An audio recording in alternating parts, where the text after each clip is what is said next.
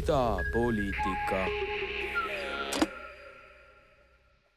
ja tere tulemast kuulama taas idapoliitikat ja see on täiesti erakordne saade üle väga pika aja. me oleme Mats Kuuskemaga koos eetris ja mina olen Mariann jätkuvalt, Mariann Võsumets, juhul kui te olete ära unustanud. minu meelest Mats, meil ei ole koos pikalt, ma ei teagi, kui pikalt me pole koos teinud saadet, elu on vahele tulnud liiga pikalt, ütleme niimoodi, nii et oli aeg, ma ütleks selle kohta.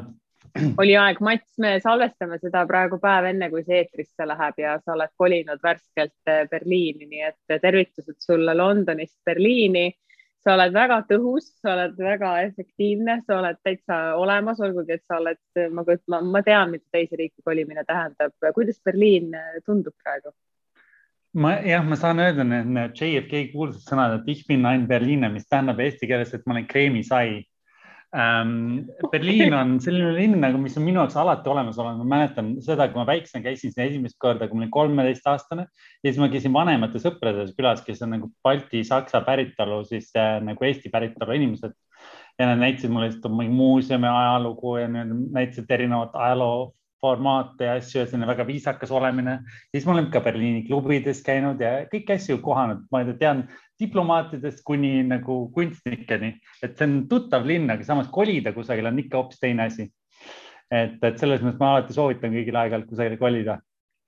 ma arvan, Mats, sul tekib varsti see moment, et, et sa pead harjuma selle mõttega või selle nagu emotsiooniga, et sa, et sa ei lähe nagu nädala lõpus või päeva lõpus lennujaama, vaid sa lähed koju sest kui sa oled Berliiniga vaata varasemalt tuttav olnud, siis mingi hetk tekib ikka see, et noh, et okei okay,, et noh, hakkame siis selleks korraks otsi kokku tõmbama, aga siis sa saad aru, et, et pagan, et ma elan siin. et see on, see on päris lahe tunne.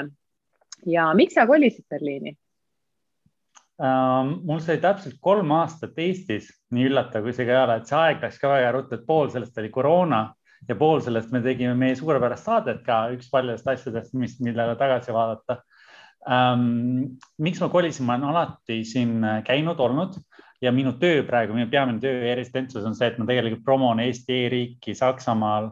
ma aitan inimestel teha ettevõtteid, startup'e siis nagu e nii-öelda läbi online'i Eestisse ja kuna ma mõtlesin seda, et seda oleks palju efektiivsem, toredam teha koha peal, aga see on, see on töö, mis mulle meeldib, mida ma naudin aga, aga lihtsalt ähm, Saksamaal olla on, on põnevam. ja, ja Berliinis ma ütleks seda, et see on seitsmekümne aastastele huvitav ja see on seitsmeteistaastasele huvitav linn, et, et selliseid tegelikult teisi väga palju ei ole. ja äh, see on üliäge, et sa saad jätkuvalt Eesti riigile edasi töötada, aga lihtsalt oma nii-öelda lokatsiooni muuta, et see on väga-väga sihuke väga fortunate ähm, äh, juhus, nii et äh, väga äge ja palju õnne. aga ma soovin Londonis ka update'e. meie kuulajad kindlasti soovivad ka, sest me pole ammu kuulnud sinu tegemistest no ma arvan, London on selles mõttes või Inglismaa on pildis suutnud olla oma väga tõhusate peaministritega ja väga, mulle meeldis, kuidas, mida ütles um, üks mu lemmik Briti koomikuid, Jonathan Pye Liz Trussi ametiaja kohta, kes siis oli ametis kas nelikümmend kuus päeva või. et uh, Liz Truss swoops in, kills the queen, crashes the market and fucks off ehk siis ehk siis tema ametiaja sisse jäi siis kuninganna Elizabeth teise lahkumine, siis ta suutis Nael Sterlingi ähm, siis äh, rentslist alla lasta ja siis ta pakkis kohvrid kokku, mida ta ei olnud jõudnud veel Downing Streetis isegi lahti pakkida.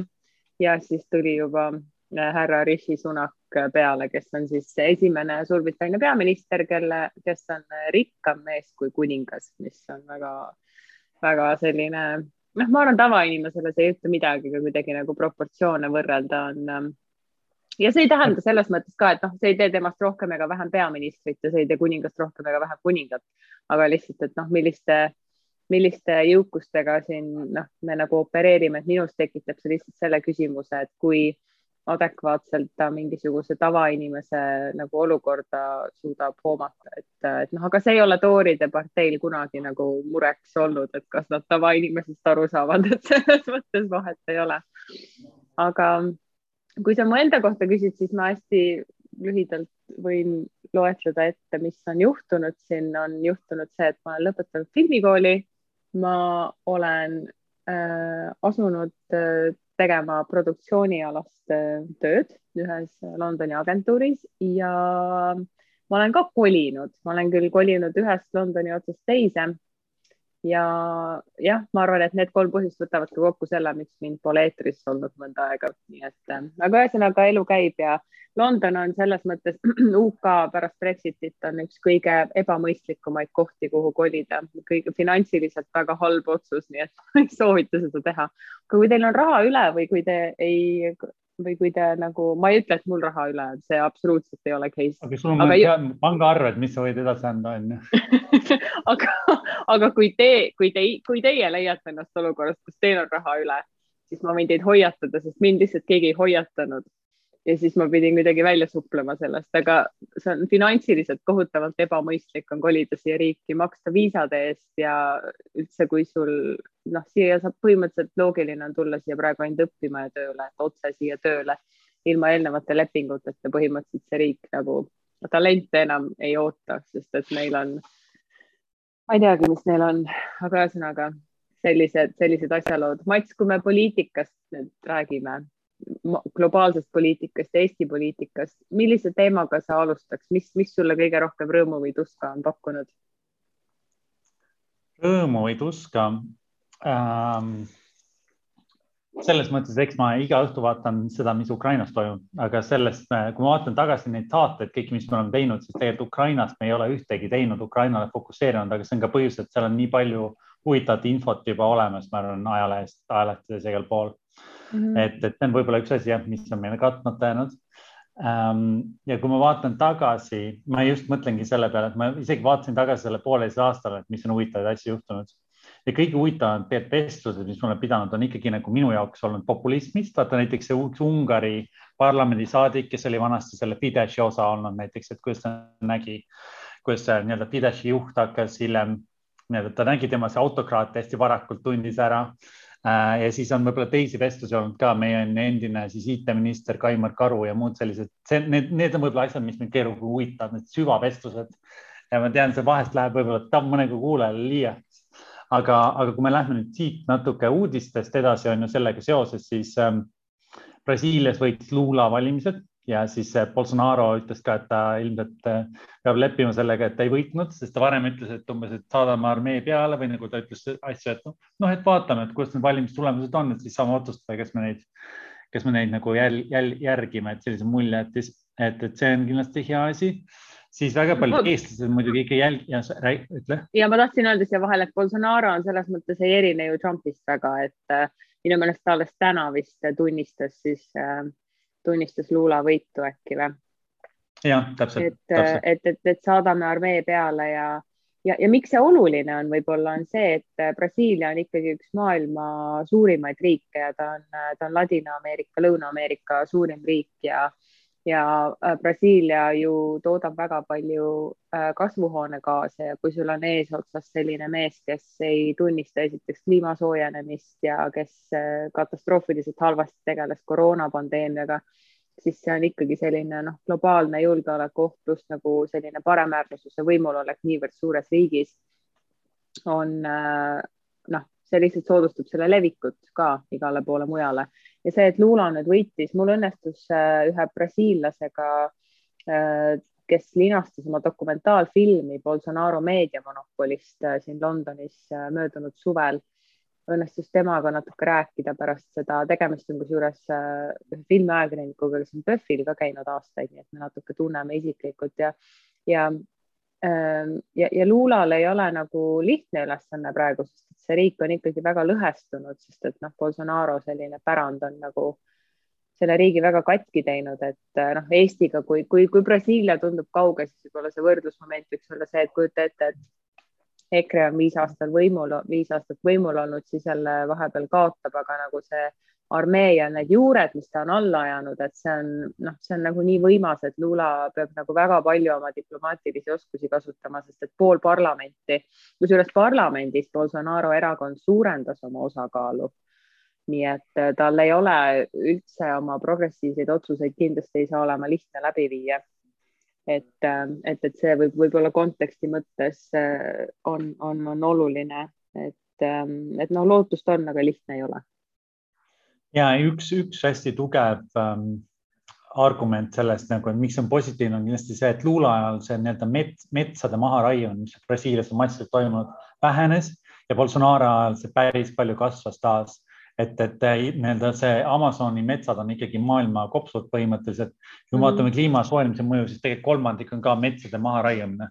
et, et see on hästi ja. oluline teema, mis on, mis on olemas, samamoodi seal on nii palju väikeseid rahvuseid, keda lihtsalt, kes surevad lõplikult välja, kes lihtsalt tapetakse maha, et nende puud noh, nii-öelda mm -hmm. maha tõmmata, et see on päris, päris kurb, mis seal on, mis on toimunud. Ja loodetavasti seal tulevad mõned paremad arengud, aga muidugi, mis on luula puhul on nüüd tal palju raskem ka, on see, et praegu ei ole majanduslikku eduaeg, see tähendab seda, et äh, võib-olla muidugi mõned ressursid lähevad kallimaks maailmas, mis võib-olla jälle võib Brasiiliat aidata mõnes mõttes aga, aga eelmine ta oli nagu hästi suure majanduse, majanduse õitsengu ajal võimul ja siis ta sai teha suhteliselt vasakpoolseid poliitikaid, mis kindlasti nagu olid populaarsed ja äh, vähendasid ka ebavõrdsust. Aga samas nüüd on neil on palju raskem teha, sest lihtsalt äh, taskus ei ole nii palju raha, mida jagada. jah. sul oli järgmine teema ka, enne kui ma sisse sõitsin ähm,. ei, minu üks, mis mu vaade just ongi see, et kuna see, ma hakkan vaikselt nii-öelda võib-olla, kuna me oleme nüüd mõlemad Eestist ära, siis ma vaatasin just äh, nii-öelda tagasi paljudele saadetele, et ma, ma mõtlengi sinult ka küsida, et mis on nagu need asjad, millest me oleme võib-olla pooleteise aasta jooksul rääkinud või kutsunud rääkinud inimesi siin formaadis, et mis sul on jäänud meelde või mis on nagu, mis on asjad isegi, mida inimesed võiks hiljem kuulata. et, et ma olen ise õppinud nii palju tegelikult nendest vestlustest ja sul on, sul on väga õigus, see on väga, see on nagu väga äge aeg olnud ja mul on natuke isegi uskumatu mõelda, et poolteist aastat tagasi, eelmise aasta maikuus me tegime esimese saate ja me tegime alguses neid muidugi palju hoolikamalt. Need on, mõned on siin vahele jäänud ja sina tegelikult ma pean sulle sinu ees mütsi maha võtma, et sina oled seda, oled seda nii-öelda lippu kõrgel hoidnud ka siis, kui mina olen nüüd viimasel ajal eemal olnud, aga ma arvan, et üks huvitavamaid saateid me tegime aktivistidega, ma mäletan, me tegime Daniel Kõivuga ja Enrique Piiliga tegime saate Eesti aktivismist ja BLM-ist, mis olid huvitavad teemad, aga mulle endale, ma arvan, üks selline nagu väga niši teema, väga huvitava rääkijaga oli näiteks äh, äh, intervjuu Ott Järvelaga, kes on jalgpalliajakirjanik, kellega me rääkisime mitte siis jalgpallist otseselt, vaid poliitikast jalgpalli ümber ja, ja selle nii-öelda sotsiaalsest mõõtmest, et ma seda soovitan kindlasti inimestel järele kuulata. Ott Järvela on väga hea rääkija. Ott Järvelal tuli hiljuti välja ka raamat, mille nimi on äkki Ott Järvela jalkasahver, et tegemist on sellise väga äh, nii-öelda niisugune noh, ikkagi väga-väga-väga pikalt väga konkreetse teemaga tegelenud ja, ja, ja noh, inimesega, kellel on nagu siiras huvi, mis ületab igasuguse nagu sellise noh, sa saad aru, et inimene ei võta seda ainult tööna, vaid noh, ta nagu elab ja hingab seda. pluss ta on väga hea rääkija. ma mäletan selle saate fotot, Mats, millegipärast sina olid selle saate ajal Nitsas. ja, mäletan. sina olid, Nitsas jah et see võis olla äkki eelmine suvi või, sest mina olin veel Eestis, mitte see suvi mm, -hmm. vaid eelmine suvi et see oli väga huvitav saade. Ja, ja see jalgpall on nagu nii põnev teema, kui me poliitikast räägime, sest et praegu me oleme vist paari nädala kaugusel järgmisest jalgpalli maailmameistrivõistlustest, mis toimuvad siis äh, Pärsia lahe saareriigis Kataris, äh, Dohas, aga ka teistes riikides, äh, teistes linnades Kataris. Ja, ja see on täiesti hämmastav, see on nagu see FIFA mastaap on lihtsalt uskumatult suur, täiesti hoomamatult suur. FIFA puhul on tegemist organisatsiooniga, kuhu kuulub rohkem riike kui ÜRO-sse.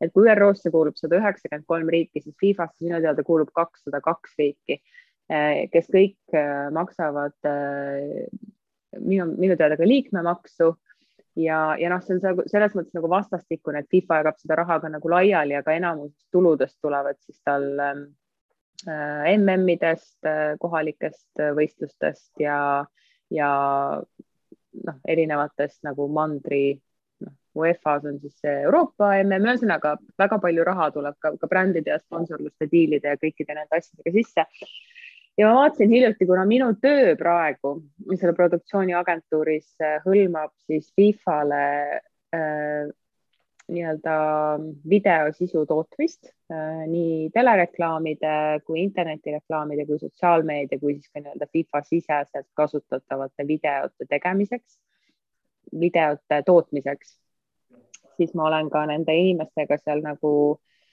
kokku puutunud, mis on selles mõttes väga huvitav, et see on nagu selline töökoht, mida sa Eestis elades äh, noh, see lihtsalt FIFA ei osta oma sisuhanget nagu Eesti produktsioonifirmalt lihtsalt juhtumisi.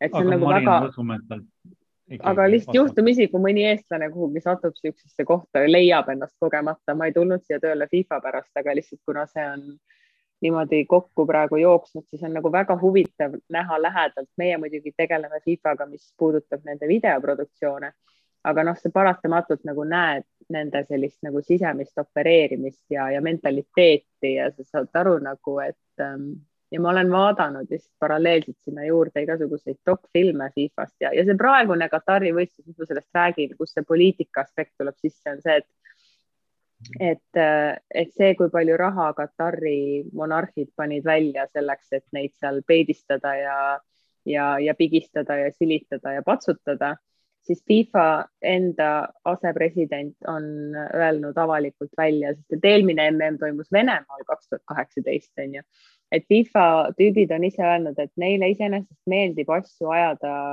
selliste autokraatlike vendadega, sest et vahepeal liiga palju demokraatiat ähm, teeb asjaajamise keeruliseks.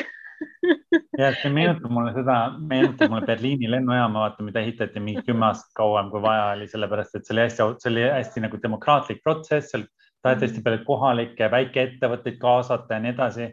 ja siis ühesõnaga läksid aia taha, et jah, selles mõttes ma ei, ma ei saa, ma ei saa lõpuni vastu vaielda, aga samas, samas tuleb ikka vaielda ka selles mõttes, kui me vaatame neid riike, siis loomulikult, milline raiskamine, see on juba keskkonna mõistes jahutada neid. milline raiskamine jahutada kliimat. ja, ja, ja jahutada kliimat ja rääkimata sellest, et üle kuue tuhande äh, migrandi tööjõu on äh,, migranttööjõu, migrandi ja. on siis nende staadionite ehitamisel ju siis ähm, äh, surnud kas kuumuse tõttu või enesetappude läbi ja need on ametlikult siis kirja läinud kui äh, arusaamatutel põhjustel juhtunud surmad. enamus need inimesed on tulnud Indiast, Pakistanist ja Nepaalist ja äh, Kataris kehtib selline seadus nagu kafala seadus, mis tähendab seda, et su tööandja äh, ei pea sulle tagama tagasimineku viisat, vaid äh, see nii-öelda põhimõtteliselt on see nagu täiesti selline moodsa aja orjatöö ja see ja see palk on muidugi naeruväärne. ja, ja see on väga kurb, see on väga-väga kurb, et isegi selle väga madala palga eest, mis noh, Nepali ja India noh, töötajad, töölised seal saavad, et noh, see on siiski, see on siiski rohkem raha kui see, mis nad Indias saaksid aga, aga lihtsalt paljud pered ei ole oma lähedasi sealt nagu tagasi tulemas näinud ja, ja, ja, ja väga paljud jalgpallurid, ma huviga nagu ootan seda üritust, kahekümnendal novembril algab, väga paljud jalgpallurid, eriti demokraatlikest riikidest on protesteerinud selle vastu, et need staadionid on põhimõtteliselt ju surnuaiad, kui sa hakkad mõtlema, et noh, kus reaalselt nagu telliskivide all on inimesed kokku vajunud, et, et nagu see võtab, et FIFA on pannud jalgpalli positsiooni jalgpallifännid ja jalgpallikoondised ja alaliidud positsiooni, kus sa ei saa sellest nagu mängu ilust enam rõõmu tunda, sest seal ümber on lihtsalt nagu nii palju sellist jälki, korruptsiooni ja, ja nagu noh, ma toon ühe näite, kuidasmoodi näiteks ähm, kuidasmoodi see korruptsioon nagu välja näeb, et oletame, et sa oled mingisugune Katari šeik, on ju, sa tahad, et FIFA tuleks äh, sinu riiki oma MM-i pidama, siis sa teed näiteks sellise liigutuse, et sa toetad mingisuguse üüratu summaga ähm, Kariibi mere saarte alaliidu äh, arengut, paned, paned sinna mõned mhm. miljardid. noh, ilmselgelt see on ebaproportsionaalne summa selle jaoks, on ju, ja siis mingisugune vend, kes noh, kelle, kelle hallatav see Kariibi mere saarte piirkond on ja kelle häälel on juhtumisi väga suur kaal otsustamaks siis, äh, kus, äh, millisele riigile mm anda, siis tema hääletab Katari poolt, et noh, see on see, kuidasmoodi need süsteemid no,. see, see on kahjuks see, kuidas väga palju maailmas tegelikult noh, opereeribki rahvusvahelised organisatsioonid samamoodi, et selles mm -hmm. mõttes see on põhjus, miks, miks kahjuks Euroopa vahest lääs nii-öelda kes on muidugi nii-öelda vihatud justkui, et kolonialistid ja nii edasi. Et miks siis meie hääl ei jää peale tihtipeale maailmas mm -hmm. ja see on ka nagu, miks me näeme Venemaaga nagu samamoodi, et paljud riigid toetavad Venemaad edasi, sest neil on lihtsalt suuremad probleemid, aga, aga on ka korruptsioon olemas alati nagu, et, et see on nagu noh, inimestel on võib-olla jah teistsugune võib..., teistsugune vaade, et meil on, me oleme jõudnud nagu sellise jõukuseni ja selliste ühiskondadeni ja siis me oleme suutnud korruptsiooniga tegeleda. jah, ja võib-olla selle teema lõpetuseks, äh, et britid, inglased on väga solvunud, et noh, neile tundub, et nagu football should come home on ju, et nemad peaksid MM-i host ima ja nad käisid seal peedistamas FIFA bosse sellega, et nad võtsid siis äh, prints Williami võtsid kaasa aga see noh, see nagu ei, ei läinud üldse peale, et noh, give us cash ja give us loads of it mm. Give it, give it to us now, et noh, meid, meid, meid teie see prints William nagu ei huvita, et noh, me saame aru, et žest on suur, aga noh, et see ei maksa meie luksusjahte kinni, et noh, ma ei tea, minge koju. et, et see on nagu selline läänelik diplomaatia, et noh, me võtame oma parimad pojad kapist välja ja näitame neid teile, aga noh, FIFA tüübid on nagu mingi noh, kus, kus rahakotid on, et noh, see nagu see, see ei tööta et selline läänelik nagu viisakus ja selline mingisugune brittide džentelmenlikkus, et see noh, see nagu, see nagu ei toimi, et oleks koloniaalajastu, siis võib-olla mingid noh, kuningad tuleks nagu rahalaegastega onju, aga noh, seda, seda ei ole enam, et. aga nii jah, oli nagu, ja, nii oli. see on, see on, see on natuke, natuke on nagu räme, kui selle peale mõelda ja, ja ma tean, et net, Netflix tuleb välja äh, nädal enne MM-i algust mingisuguse kohutava, mingi FIFA-t paljastava dokumentaalfilmiga, nii et siin saab selles mõttes nagu action'it olema aga ma ütlen jah, et lihtsalt, mis oli ka nagu UK-s on ju, kui kuninganna suri, siis oli hästi palju tagasivaadet ka UK ajaloole. Ja üks asi, mis tegelikult on šokeerivam, ma olen, ma olen viimasel aastal käinud kaks korda Lõuna-Aafrikas äh, ja see on nagu riik, mida ma tunnen hästi ja mõtlen selle, selles mõttes tuhat üheksasajandad alguses seadis UK sinna põhimõtteliselt kontsentrat-, kontsentratsioonilaagrid, kus perekonnad surid ära nagu mingid talunikud, Holland nagu hollandikeelsed talunike perekonnad ja tegelikult UK ise nagu, see ei ole üldse kaua aega tagasi, kui ta ise kõiki mhm. jama tegi, korraldas yeah, ja täpselt samasuguseid asju tegi. ja need India raudteed yeah. seal samamoodi, kui nad ehitasid seal, siin inimesed surid, et, et jah, et, et see on ähm,, aeg on kiiresti muutunud läänes. jah, UK on selles mõttes huvitav, et siin on nagu noh, UK tegeleb oma selle koloniaalajalooga umbes sama efektiivselt nagu Saksamaa tegeleb oma natsiajalooga, et, et seda nagu mm, tunnistatakse. Saksamaa tegeleb efektiivsemalt, Saksamaa oli see, Saksamaa sunniti nii-öelda seda aktsepteerima, sellega tegelema, ma arvan, et peale Saksamaa ei olegi põhimõtteliselt teist riiki, kes oleks mm. aktsepteerinud oma, oma nii-öelda halba ajalugu. et Suurbritannias ikkagi väga paljud inimesed vaatavad seda positiivselt. vaatavad, vaatavad ja, ja meie praegune, meie praegune siseminister Suella Bravermann äh, on ju öelnud, et et tema on uhke Briti koloniaalajaloo üle, et see on, oli imeline aeg. Aga ta on, tegemist on ka väga imelise daamiga, kes on muuhulgas ka on record öeldes, et ähm, Rwanda migratsiooniplaan on tema, Rwanda migratsiooniplaan kujutab siis endast seda, et inimesed, kes tulevad siia asüüli otsima, pannakse lennuki peale ja saadetakse Rwandasse. Ja see ei ole nali oota, kas India oleme saatnud millegi? kusjuures, kusjuures Wanda on täitsa, ma loodan, et ma ei lähe selle valitsuse lennukiga, aga me lähme FIFA-le ühte, ühte asja filmima küll Rwandasse järgmisel aastal. Mhm.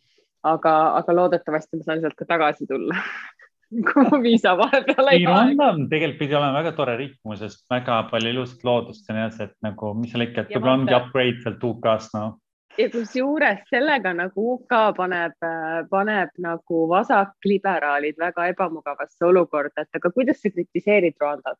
et sa, et see on, mis Rwandal viga on, mis te, järsku teile ei meeldi Aafrika või? et see on väga kaval lüke aga selle asja point on lihtsalt selles, et sa ei saa saata inimesi, kui nad tulevad sinu konkreetsesse riiki, siis sul noh, nagu sihuke nagu see inimõiguste konventsioon ei anna sulle alust neid lihtsalt nagu deporteerida kuhugi nagu X kohta, mida nad ei ole valinud. olenemata sellest, kas see on siis mingi teine nii-öelda rahumeelne riik või, või mitte, see on lihtsalt nagu noh, selle peale ikka annab tulla, ütleks niimoodi, et see ongi täpselt nagu nii outrageous, nagu see kõlab. aga lihtsalt okay., mis ma tahan praeguse siseministri kohta veel öelda kiirelt, on see, et, et ta on ühtlasi ka ühes intervjuus öelnud, et see Rwanda migratsiooniplaan on tema uh, dream and obsession ta on täiesti shameless nagu aga, aga lihtsalt millest ma ei saa aru ka, on see, et inimesed, kes on, ma ei tea, teist või kolmandat generatsiooni migrandid ja siis nad on hullult elevil, et teisi migrante välja saata, see on hästi huvitav kontsept millegi jaoks. hästi huvitav, hästi huvitav, ma olen täiega nõus, et tema eelkäija Briti Patel täpselt samamoodi, et see on see, et noh, bitches, et ma tõmban redeli enda alt ülesse ja vaadake ise, kuidas hakkama saate mm. -hmm. mis Eestis toimub, Mats? Mm,? oota, Eesti, millest sa räägid, mis koht see on, ma ei tea. kusagil, kusagil üks, üks provints endises, endises Vene. lahkusin, ma ei tea midagi enam provints endises äh, tsaaririigis. Eestis oli ähm, EKRE toetus oli kakskümmend seitse protsenti. Äh, ma ütleks sellele, et peale, peale selle tegelikult, kui ma mõtlen selle pealt, kolmikvalitsus on suhteliselt hästi koos vedanud, kui me vaatame seda võrreldes, ähm, võrreldes vaata, meil oli palju vaidlusi Kaja Kallase üle, aga kohe -hmm. kui ta sai lahti Keskerakonnast kes tal lihtsalt kogu aeg vaipa ära alt ära tõmbas, nagu nii, nii ilmselt oli.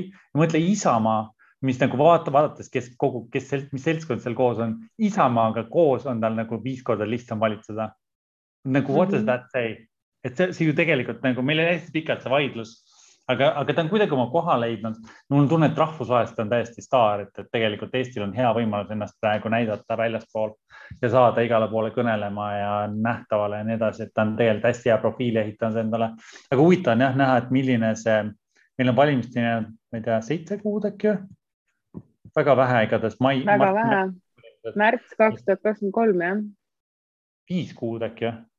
väga vähe, viis kuud. ja igatahes ähm, et, ähm, et huvitav on jah, milline see koalitsioon võiks olla, et minu jaoks nagu ideaal oleks muidugi Reform, Eesti kakssada, sotsid, mis oleks ainuke, kus oleks mm -hmm. nagu populiste põhimõtteliselt mm. -hmm. aga ma ei tea, kas see on nagu enam võimalik, aga noh, kui me läheme lõpuks valimiste juurde, on ju, inimesed hakkavad reaalselt mõtlema, äkki on, et, et, et see lihtsalt eeldab seda, et inimesed ei hädalda, kõigil, kõigil kolmel erakonnal on tuhat viga, mida me saame leida ja me saame tuhat põhjust leida, et kodus istuda ja panna jalad kaenla alla, aga lihtsalt kui inimesed lähevad valima ja valivad ühte neist kolmest erakonnast, siis meil on šanss, et me saame tegelikult liberaalse ja stabiilse valitsuse, mis saab teha igasuguseid liberaalseid poliitikaid ära tegelikult. ja meil ei ole ja. nagu mingit, noh, ma ei tea, mingit pensionireformi stiilis asju, meil ei ole nagu mingit lihtsalt ka täiesti raha külvamist, on ju mida me peame nelja protsendi eest kinni maksma laenu eest, on ju. et noh, selliseid mhm. asju, et tegelikult nagu ma olen selle poolt, et meil oleks natuke vasakpoolsem Eesti, kui ta on, aga lihtsalt me ei saa ka seda teha lollisti, noh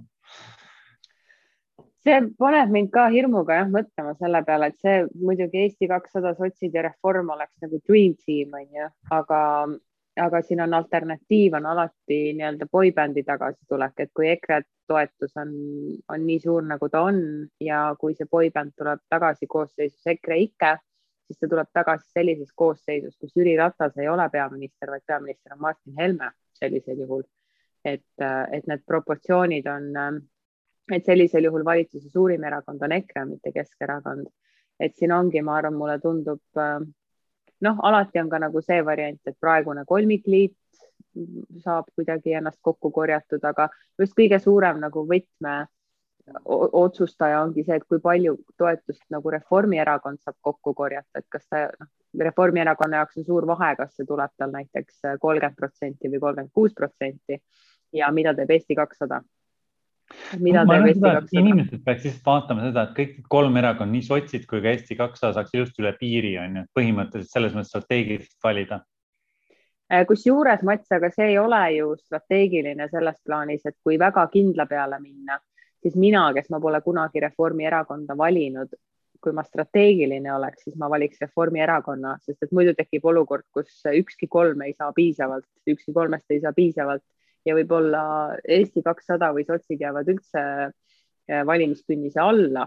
aga, aga, aga nad saavadki ainult minna alla siis, kui inimesed strateegiliselt ei vali neid, selles mõttes tasub neid strateegiliselt valida, et ainult nende kolme korraga me saame liberaalse valitsuse, et Reformierakond saab niikuinii sisse, ta niikuinii ka on suurem kui need kaks, on ju, ja nende kahe mm. kõrval ta oleks väga hea valitsuse looja, et me ei pea nagu muretsema Reformierakonna pärast, nad saavad no, piisavalt tõenäoliselt. jah, ma lihtsalt mõtlen nagu seda, et noh, et, et noh, ega, ega sa EKRE valija häält nagu sotsidele ja Eesti kahesajale nagunii ei saa, et. Äh, ei no seda, seda ei saa, aga küsimus on lihtsalt see, et kes lähevad valima, kes lähevad kohale vaata, osad EKRE valijad võib-olla tegelikult valivad kedagi muud või nad lihtsalt ei vali. Nad võivad valida Keski, nad võivad valida, ma ei tea, Isamaad näiteks on ju. Äh, nad võib-olla võivad valida parempoolseid hästi vähekene, aga parempoolsed ka, ma ei usu, et nad, nad võivad lihtsalt segada seda kaardipakki natuke. Äh, aga, aga jah, mingid, ma ei, ma ei kujutle neid üle, üle selle viie protsendi minemas, aga, aga muidugi ma võin eksida. tead, mis, tead, mis mind muretsema paneb, Mats? mind paneb muretsema see, et mingisugune EKRE romantika on tekkinud järjest noorematel inimestel ja ma ei arva isegi, et see kõik läheb sinise äratuse arvele vaid Eestis on mingisugune seltskond selliseid noori mehi, kes üldiselt poliitikast mitte muhvigi ei tea, sest see neid väga ei huvita.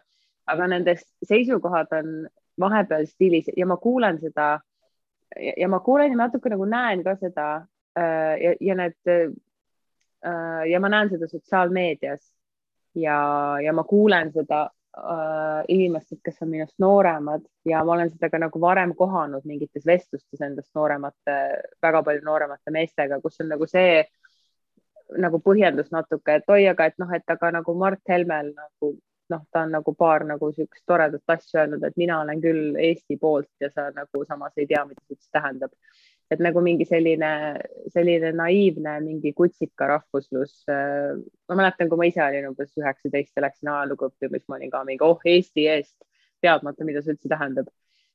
et, et see on nagu sihuke problemaatiline.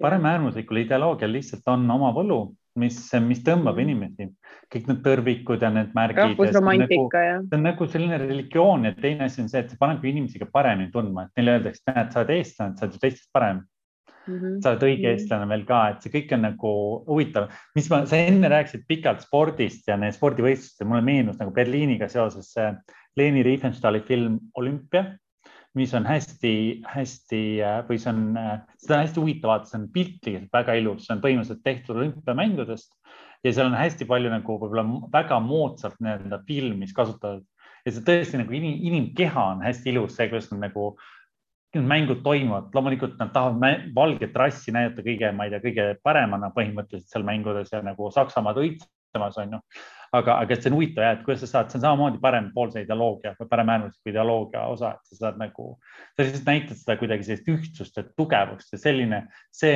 see, see, see tegelikult tekitabki inimestes selle tahtetunde ühineda, sest et, et hästi-hästi tihti on nagu paljud väga targad inimesed, kes ei räägi nii selget juttu, neil ei ole niimoodi, et nagu see on hea, see on paha ja nii that's it on ju. Neile inimestele meeldib lihtsus lihtsalt muidugi meeldib ja see annab mingi identiteeditunde ka, kui sulle öeldakse, et sa oled eestlane ja see on ilus ja sul on suitsupääsuke ja rukkilill, see on nagu oh, sellest ma saan aru.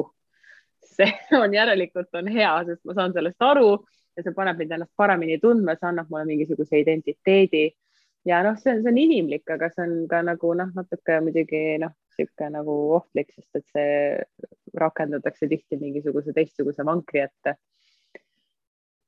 jah, mida, mida inimesed ette ei kujuta, on lihtsalt see, et see, see nii-öelda alguses on see hästi atraktiivne, aga pärast see tähendab seda, et korruptsioon, meediavabadus kaob ja siis tegelikult tekib sul korruptiivne selline natuke autokraatlik korruptiivne režiim, mis püsib, ma ei tea, aastakümneid võib-olla, mis on Ungaris juhtunud põhimõtteliselt.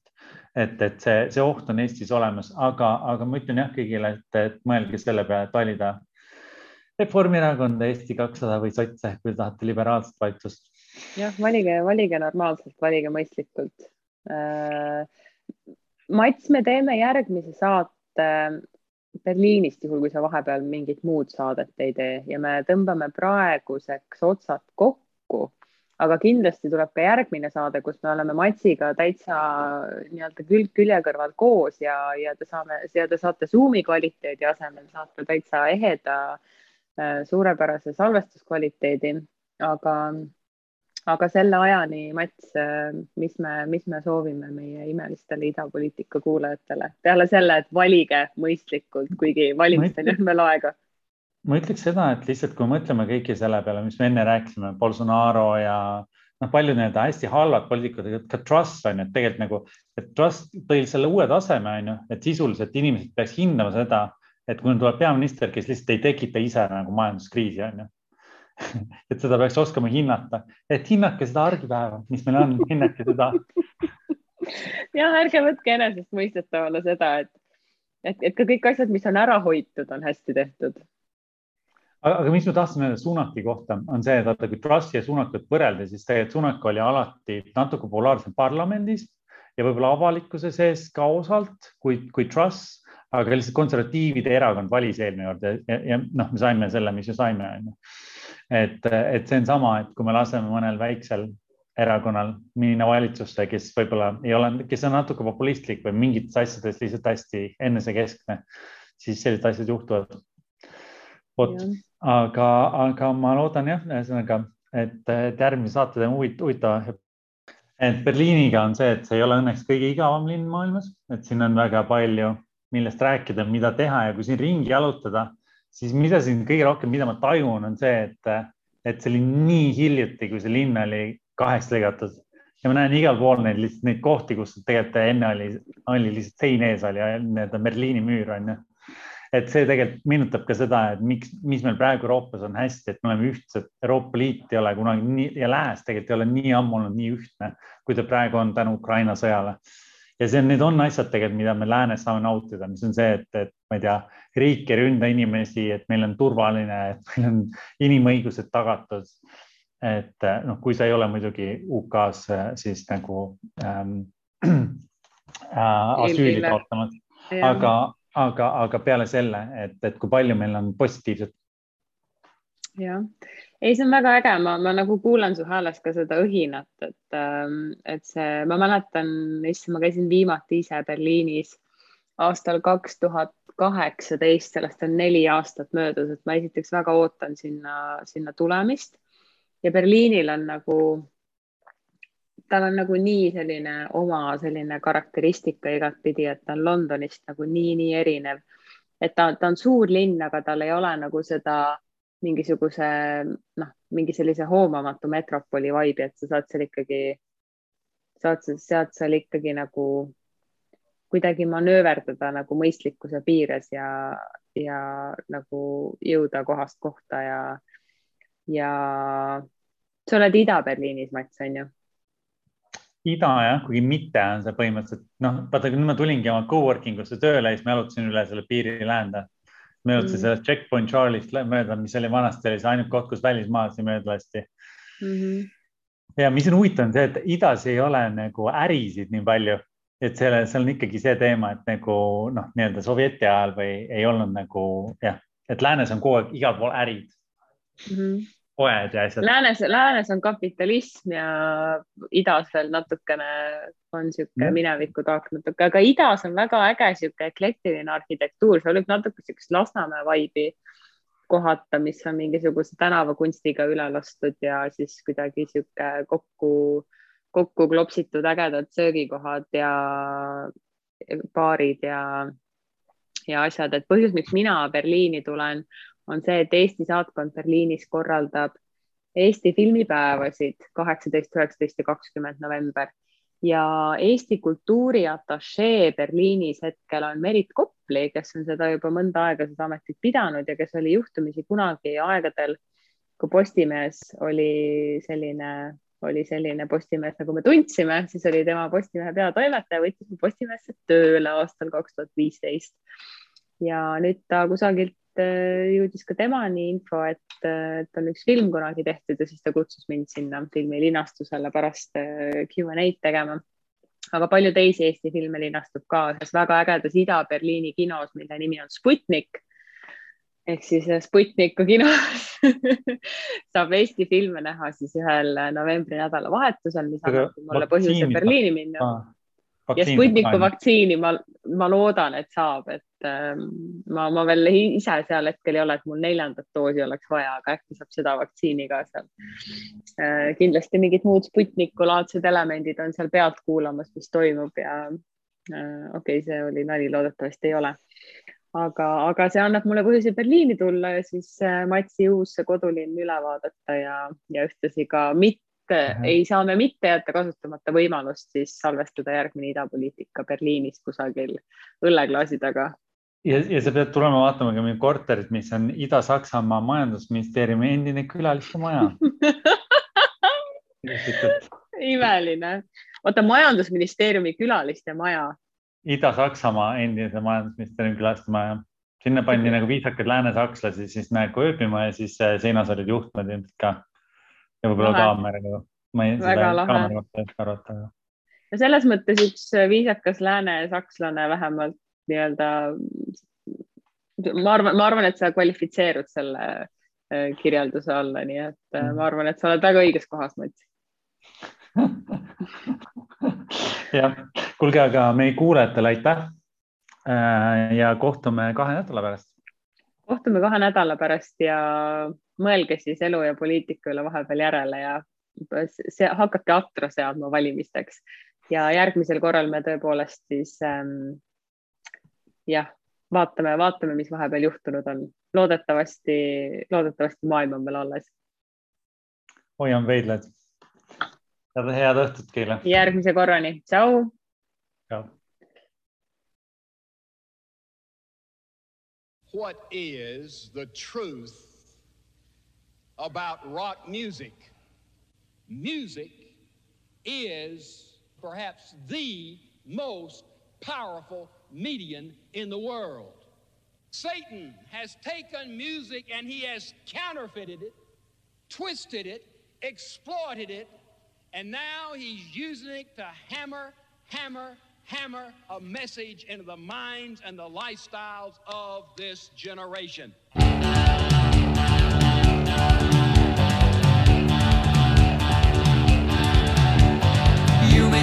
Cynical, but man flawed. He has a vague memory of like people St. Paul, behaving like a reptile, but talks of walking tall. If God is in his image, the Almighty must be small.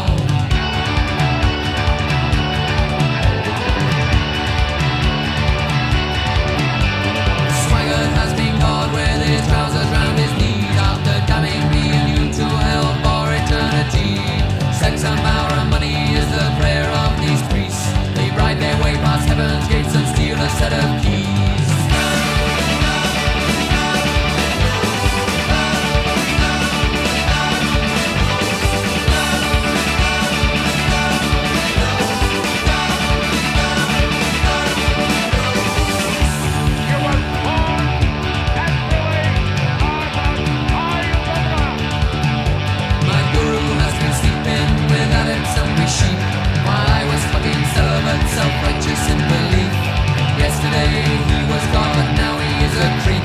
We fell upon each other, starving for belief.